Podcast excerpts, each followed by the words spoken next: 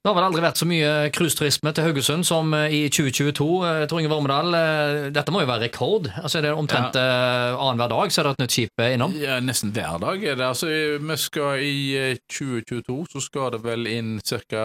121 eh, cruiseskip. Så, eh, og det blir lagt også til eh, høysesongen fra mai til ut i september. da, Så det betyr at det er det vi har eh, cruiseturister nesten hver eneste dag. Ja. Så, Jo, og du legger jo merke til det ute i gata her hver gang det er en cruisebåt i havn. Ja. Da blir det mye folk, altså. Det blir mye liv i byen, det er det. Så, altså, de regner med at de, i løpet av de 121 anløpene da, så har de en, rundt eh, 400 000 eh, passasjerer totalt. Altså, her, da. Så, og mange av de eh, drar jo på eh, bussturer innover til f.eks. Åkrafjorden, eller de drar på Vikinggården eller til Skudeneshavn osv.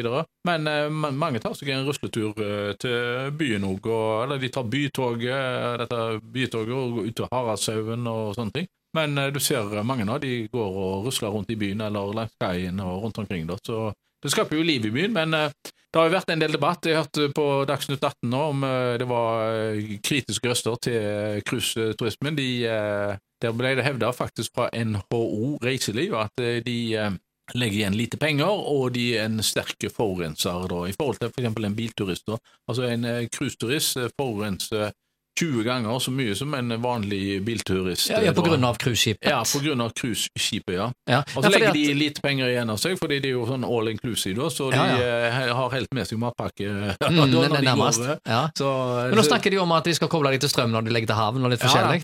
Neste år så skal faktisk eh, Haugesund ha vært veldig flinke eh, når det gjelder å ta imot eh, cruiseturister. da. For det første har de sagt at de har begrensa det til ett skip per dag, som ikke skal bli drukna i turister, og det syns jeg er veldig fornuftig av de.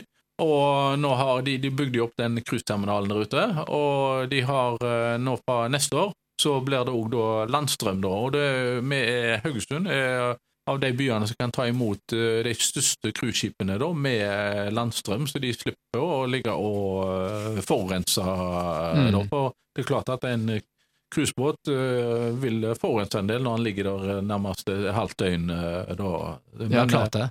Så, men eh, jeg syns jo det er en eh, flott ting at vi har eh, cruiseskip her i byen, da. Men jeg tror det er en overdrivelse å si at de legger så veldig mye penger igjen.